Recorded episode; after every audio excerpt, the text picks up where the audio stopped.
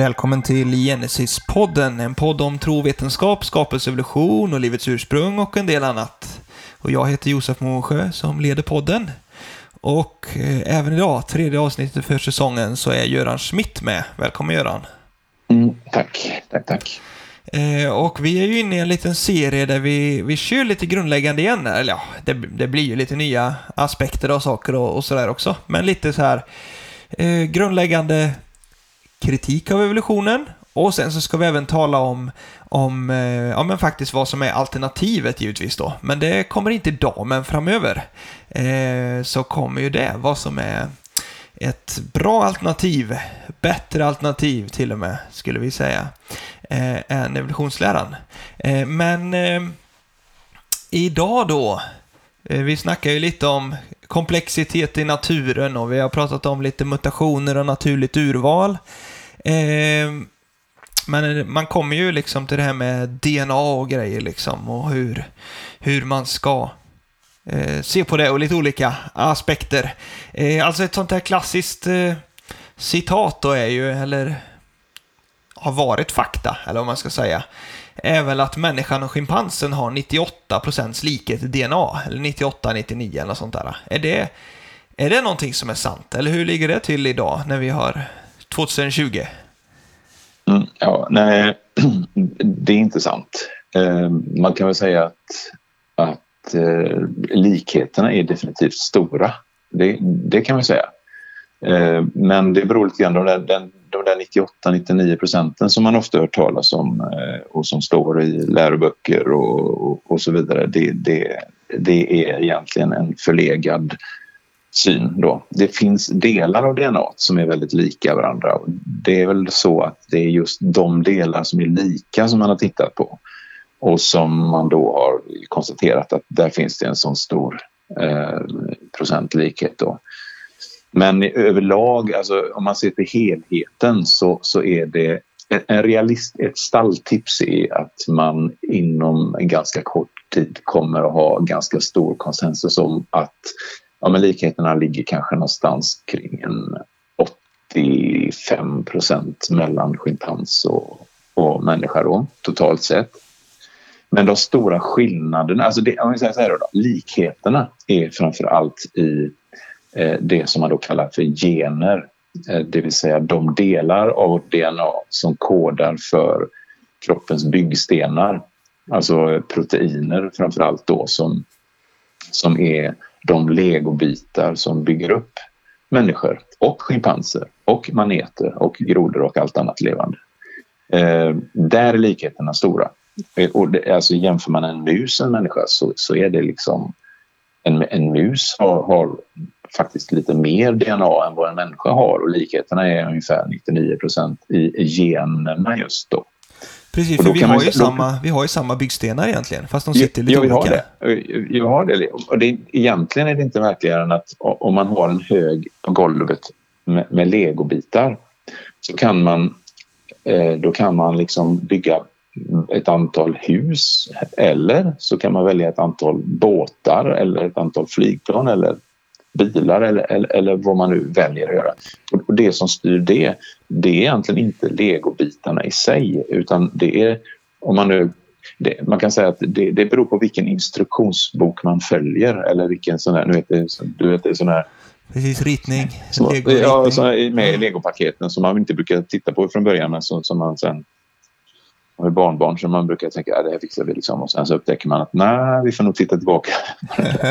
Ja, nej, men, och, och då visar det sig att jag menar, använder man en av de där så får man en bil och använder man en annan liten sån här instruktionsbok, men då sätter man ihop bitarna på ett annat sätt och då får man ett hus och så vidare. Va? Och det, det är faktiskt en parallell som stämmer väldigt väl överens med den bilden som den moderna eh, molekylärbiologin ger, det vill säga det är faktiskt så som kroppen använder det. Är därför som 99 av människans och mössens DNA är lika och en hög grad även av schimpansernas naturligtvis, av just generna. Eh, de som har recepten på proteinerna, de är jätte, jättelika. Och det är precis som du sa där, det är precis därför att jag menar, vi och schimpanserna är ju jättelika till utseendet. Eh, och, kroppens uppbyggnad är ju jättelika. Och, och, det, och det är klart att eh, då är det rimligt att förvänta sig att le, legobitarna är, är liknande. Men eh, de där instruktionsböckerna då eh, det är egentligen visar sig, det ligger alltså inte i själva generna eh, utan instruktionsböckerna. Det är det som, som, som finns mellan generna. Och generna är bara en liten del av vårt DNA. Generna uppgår bara kanske till ett par, tre procent av vårt samlade DNA som är gener receptorproteiner. Precis, för Resten... här har man ju talat om skräp-DNA och sånt där ja, förut. Visst är det så? Precis. Alltså från evolutionshåll så har man sagt ja men det är bara massa, ja. det är det som inte är gener, det är massa skräp liksom från evolutionen. Ja, och, och, som jag tror vi nämnde i förra programmet, liksom, det, det, är, det är en sån här förväntan utifrån ett evolutionärt perspektiv. Och inget konstigt och, alls då, för att mutationer som sker hela tiden, de, de borde leda till skräp. Ja, ja alltså hela, hela, hela begreppet uppstod egentligen eh, någon gång på 1960-talet när man började fundera över vad kommer det sig att det är så stor skillnad på en schimpans och en människa? Eh, alltså det, det, det är liksom, vad beror det på att det är så stor skillnad? Eh, då?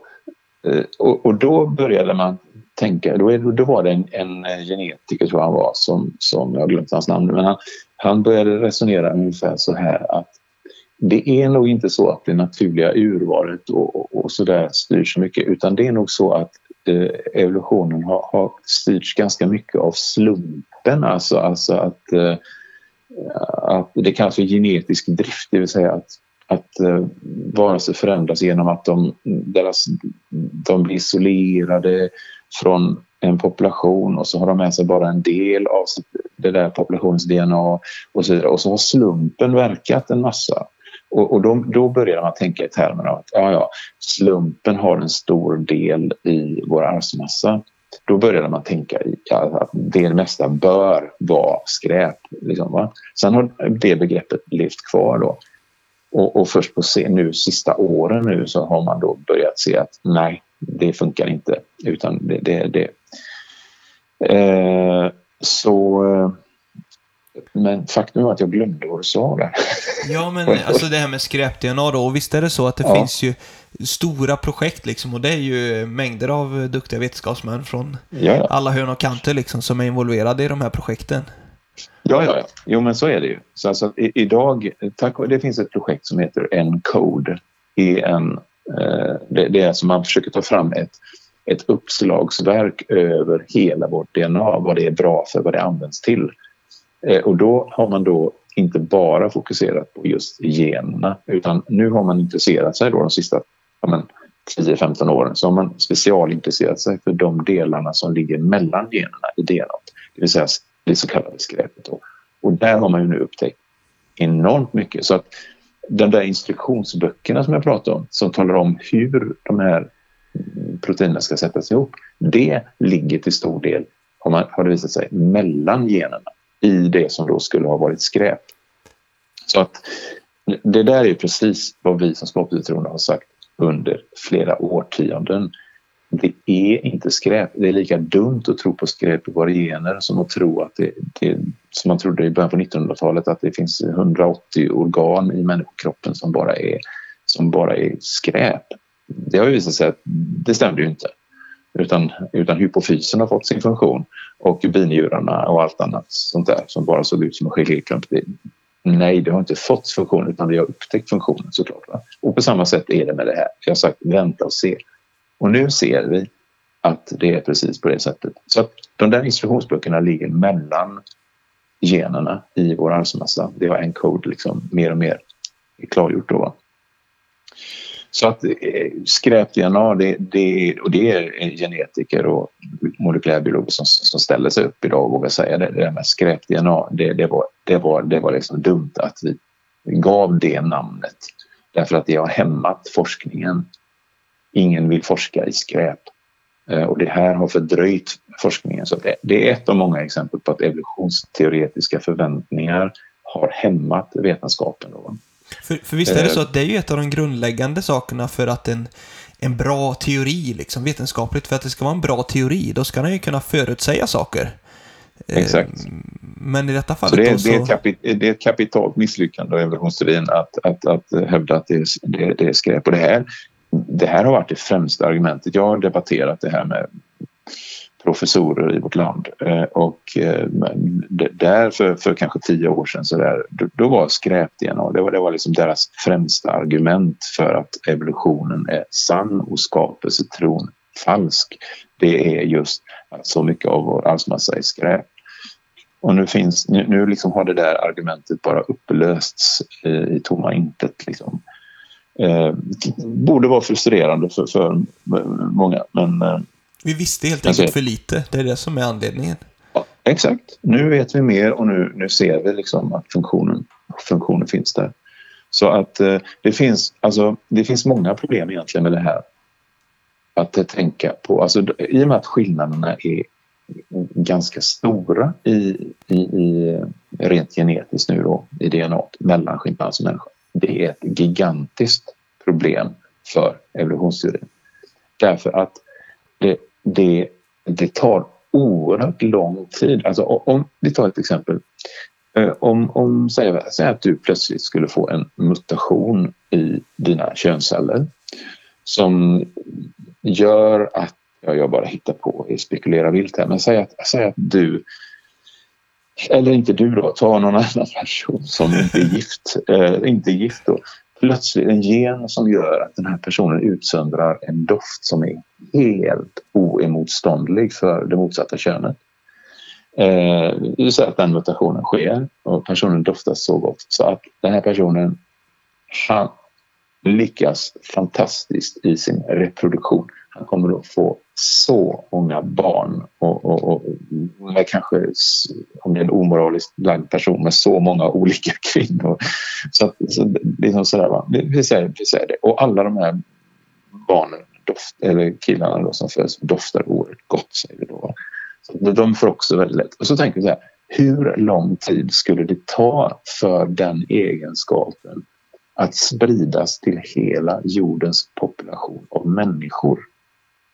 Och då, så här, va? Det här är nämligen intressant därför att vi, till exempel, vi har alla ögonbryn. Alla människor på jorden har ögonbryn. Varför har alla människor ögonbryn? Jo, därför att de generna, enligt evolutionsteorin, har då anlagen för det har liksom någon gång uppstått. Alltså hårbeklädnaderna försvann överallt, ut, eh, eller utom just i ljumskar, under armar, i armhålor, på huvudet och Eh, ögonbrynen. Då, va? Och då, det vill säga på något sätt har hårlösheten hämmats just där. Då. Så, så att den genen uppstod någon gång i människans evolutionära historia och nu har alla människor det. Det måste ha tagit ganska lång tid. Va? Så den här, nya, den här nya egenskapen nu att dofta på det där fantastiska sättet det skulle då sprida till hela jordens befolkning. Hur lång tid skulle det ta? Och då bör man inse att det där kommer att ta väldigt lång tid innan just den genen för den egenskapen har blivit vad man då säger fixerad, det säger man på biologispråk då, har blivit fixerad i hela jordens population så att alla har det. Eh, eh, eh och, och, och, så, och det inser man ju då speciellt om det är en stor population så måste det ta kolossalt lång tid sånt där. Och det faktum är att man kan räkna på det där och, och det visar sig att tiden det skulle ta att fixera en enda egenskap, det skulle ta långt mycket mer tid än vad det då skulle ha tagit för oss att, och schimpanserna, eh, enligt, enligt evolutionsteorin så var det ungefär 6 miljoner år sedan som människor och schimpanser hade gemensam förfader, eller urmoder eller vad man nu säger. Och på 6 miljoner år så har vi nu utvecklats till människor och schimpanserna till schimpanser, eller ja, apliknande varelser till schimpanser. Men, men det skulle ta lika lång tid för att fixera en enda ny egenskap. Och så enorma mängder med egenskaper som faktiskt skiljer oss från schimpansen. Det skulle vara, alltså tiden, universums ålder skulle inte räcka till på långt när för att hinna fixera så många egenskaper som skulle behöva fixeras som skiljer oss från schimpanserna. Det, det är liksom ett gigantiskt problem med evolutionsteorin. Eh, Att, att specifika egenskaper får totalt genomslag liksom. Det tar Precis. sjukt lång Precis. tid. Och det finns massa det, det saker ta, som... Ja. ja, ja, ja. Det skulle ta extremt lång tid. Man, man, kan räkna på att det räcker med alltså en, en, en, eh, en egenskap som uppstår genom två mutationer bara. Det, det, skulle ta, om jag inte minns fel, det skulle ta 60 miljoner år för den att fixeras i, i en eh, population. Då. Så att, så att, så att det, det, det fungerar, evolution fungerar inte på det sättet helt enkelt. Så att, eh, men, men, eh, men någon kanske säger så här. Att, ja, men det är ju ändå så att vi är väldigt lika schimpanserna. Och åt, om det nu skulle vara 85 procent som är lika så är det ändå någonting som säger någonting. Det måste ju ändå peka på ett släktskap. Det, det måste ändå förklaras som något. Och så kanske man tycker att vi håller på och bortförklarar det. Liksom, det här. Men, men, eh, men det är ju så här att utifrån ett, ett eh, skapelseperspektiv så är det så att det är en självklarhet att levande varelser liknar varandra på många sätt. Därför att, därför att vi schimpanser och även, ja man kan ta en, liksom en maskros eller en, en, en, en dagmask. Alla levande varelser ingår i samma ekologiska system. Alltså vi, vi, vi har ämnesomsättningar som på olika sätt måste haka i varandra för att jordens ekosystem ska kunna fungera. Eh, så att alla processer som sker i våra kroppar måste återspeglas i andra då. För att, man, för att ämnena ska kunna gå in i kretslopp och så vidare, återföras i Och så. Så, att, så att likheter i naturen är en nödvändighet oavsett hur vi blev till. Alltså oavsett om vi har blivit till genom evolution eller genom skapelse så är likheter någonting som Gud måste ha använt sig av helt enkelt när han skapade. Eh, mm. Så, så uh, och, vi, och visst är det så på ett vis att alltså det spelar ingen roll vad man tar för föremål så kan man ju alltid sortera saker liksom. I likhet. Om jag skulle ta gafflar eller stenar eller eller ritade teckningar liksom, så går de ju alltid att sortera efter likhet liksom. Så det, och ja, det, det, och det har ju inte med släktskap Nej. att göra då. Och, och man kan lätt till och med inte bara sortera i grupper, man kan dessutom liksom säga, hävda att den här gruppen har kommit från den gruppen därför att den är lite mer komplex än den andra eller så vidare. Man skulle kunna konstruera ett evolutionsträd av det som du sa, stenarna på, eller sand och grus och sånt där eller eh, köksbestick eller något sånt. Det, det går att konstruera utvecklingsträd beroende på hur lika varandra de är eller hur olika de är.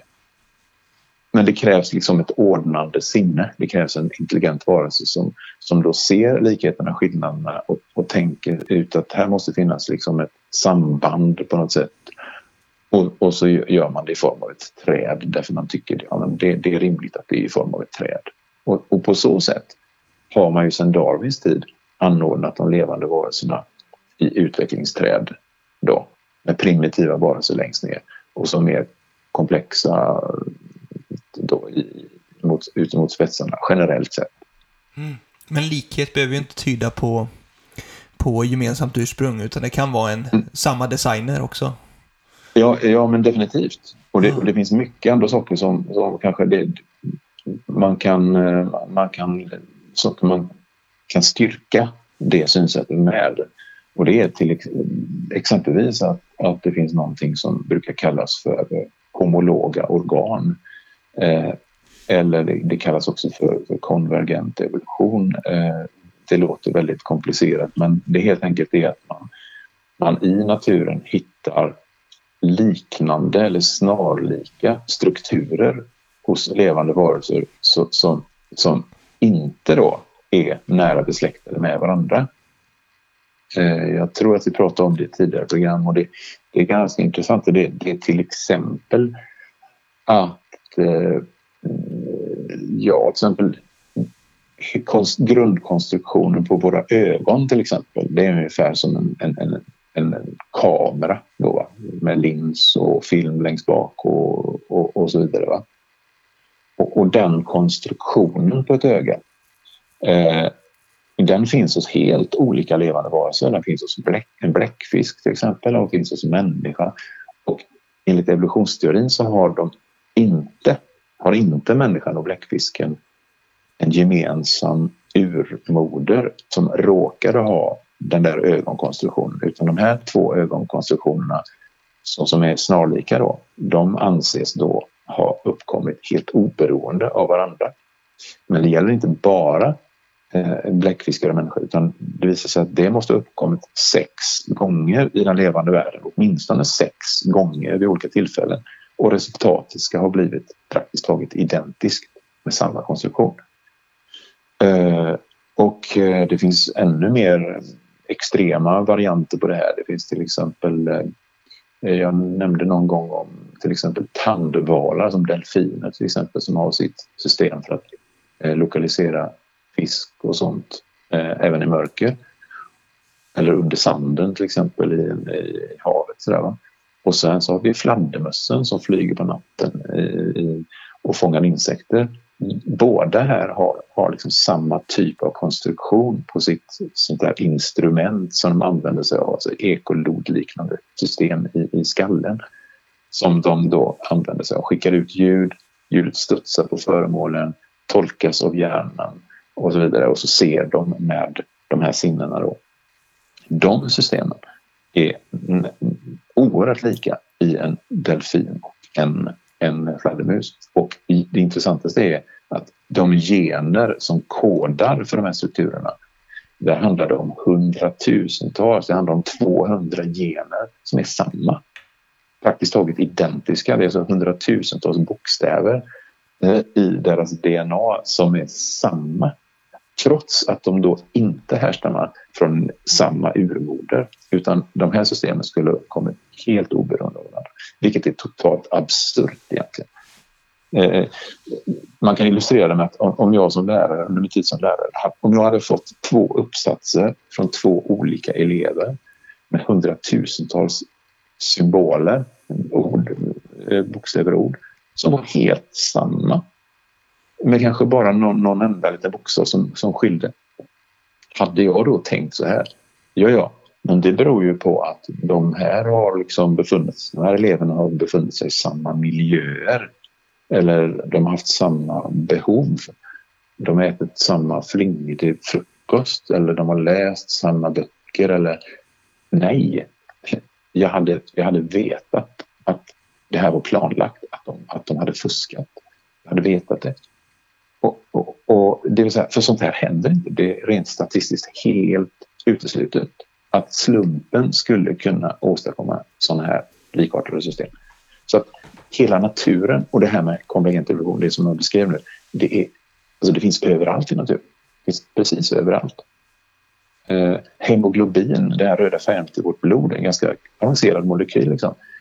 Jag menar, det finns hos ärtväxter och det finns hos, hos eh, insekter och människor som inte har nått alltså evolutionärt eh, någon koppling däremellan. Just så, det. Så, så, och slutsatsen av det då, det är alltså ja, likheter behöver, likheter kan ibland bero på släktskap. Det är därför barnbarn, barnen liknar oss vuxna. Men det finns andra tillfällen när likheter inte beror på släktskap. Så att likheten mellan oss och schimpanser är inte alls något bevis för att vi härstammar från apor. Därför att det kan lika gärna ha varit en designer som valde att skapa de här likheterna. Så det, det bibliska, det kristna svaret på varför fladdermössen och delfinerna har samma system och varför ögonen finns på sex olika ställen, den här principen, det är för att skaparen valde att jobba på det sättet när han skapade. Han använde sig av en programvara i form av DNA. Han använde sig av en programkod som han återanvände i olika eh, skapelser. Så. Mm. Och all, allting vi vet, liksom, det säger egentligen att det måste vara en designer bakom detta för att det skulle ja, inte kunna det, uppkomma det, på flera ställen. Liksom. Mm. Nej, det är helt uteslutet. Statistiskt sett är det fullständigt horribelt att ens påstå något sånt. Därför att men det, det intressanta är att det är så här som en skicklig datorprogrammerare jobbar. Det finns ingen programmerare som, som bygger alla sina program på scratch utan man hämtar moduler som gör en viss sak i ett program och så tar man den, hämtar den från nätet och så bygger man in den i sitt nya program. Liksom. Och så tar man, man behöver en modul för en viss sak, ja men då hämtar man den någonstans och, och så använder man den till nya, i, i nya sammanhang. Liksom. Och, och det är precis så som den moderna eh, genetiken visar att livet är uppbyggt. Det är uppbyggt som med hjälp av moduler.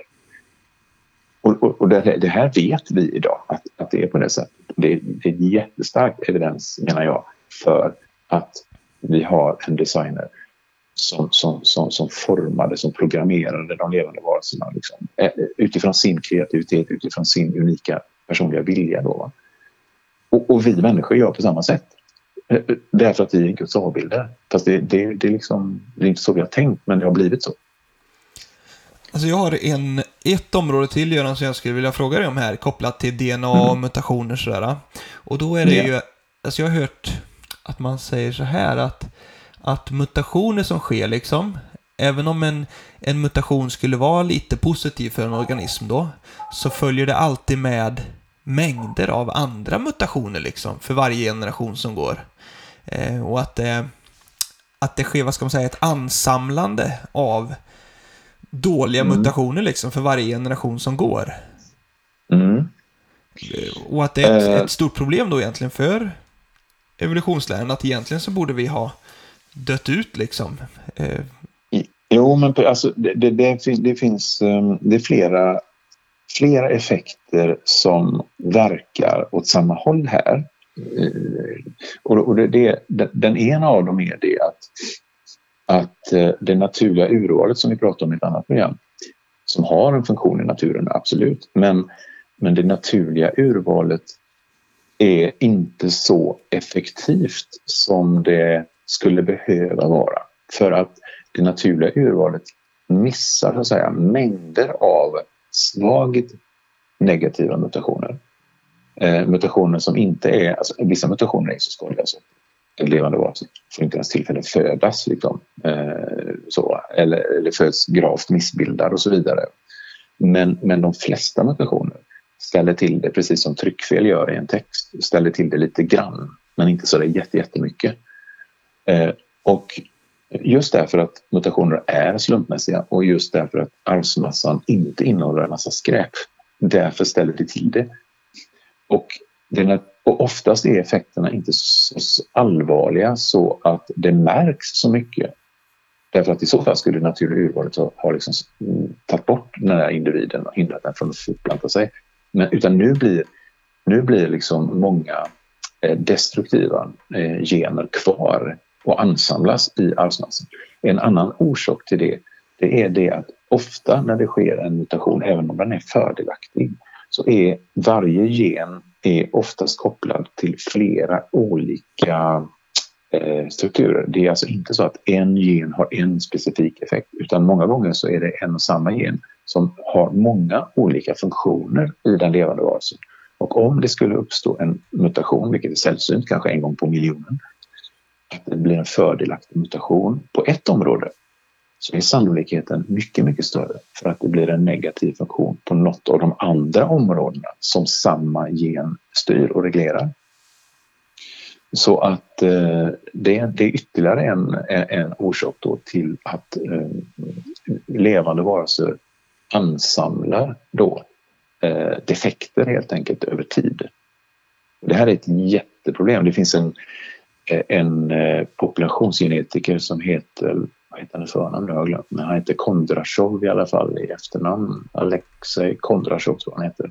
Som har sagt så här. Varför är inte mänskligheten utdöd hundra gånger om? Därför att enligt han, hans perspektiv det är ju att vi har levt i miljontals år och i så fall så borde vi som art har varit utrotad på grund av hur många negativa skadliga mutationer som ansamlas i våra gener per generation. Så, så att man räknar med kanske 60 till 80 mutationer som är direkt skadliga men inte så framträdande ackumuleras per generation av en människa. Och då inser man snart att alltså vår arvsmassa borde vara praktiskt taget utplånad om vi hade varit miljontals år gamla som art. Det här antyder naturligtvis att mänskligheten är inte så gammal. Vi har, vi har en mycket, mycket kortare historia och Gud skapade oss som perfekta varelser för Gud skapade perfekt. Och utifrån det perfekta ursprungstillståndet så är vi utsatta för en negativ mutationsbelastning. Det, för, för detta ju, det blir ju liksom som du säger då en, en grundläggande jätteproblematik liksom för att DNA eller arvsmassan blir, den blir sämre och sämre liksom för varje generation, eller generna blir förstörda liksom lite grann för varje generation. Men evolutionsläran ja, kräver ju tvärtom liksom. Precis. Att någonting skulle göra att det blir mer och mer och bättre och bättre. Precis, hade vi inte haft sofistikerade alltså korrekturläsningssystem i våra gener, i, i vår arvsmassa som, som, som alltså förmår att eliminera mycket av de skador som faktiskt mutationer åstadkommer så hade vi, då hade vi inte liksom överlevt mer än några få generationer som art innan innan mutationerna hade förstört vår arvsmassa totalt och informationen hade varit bortblåst. Liksom.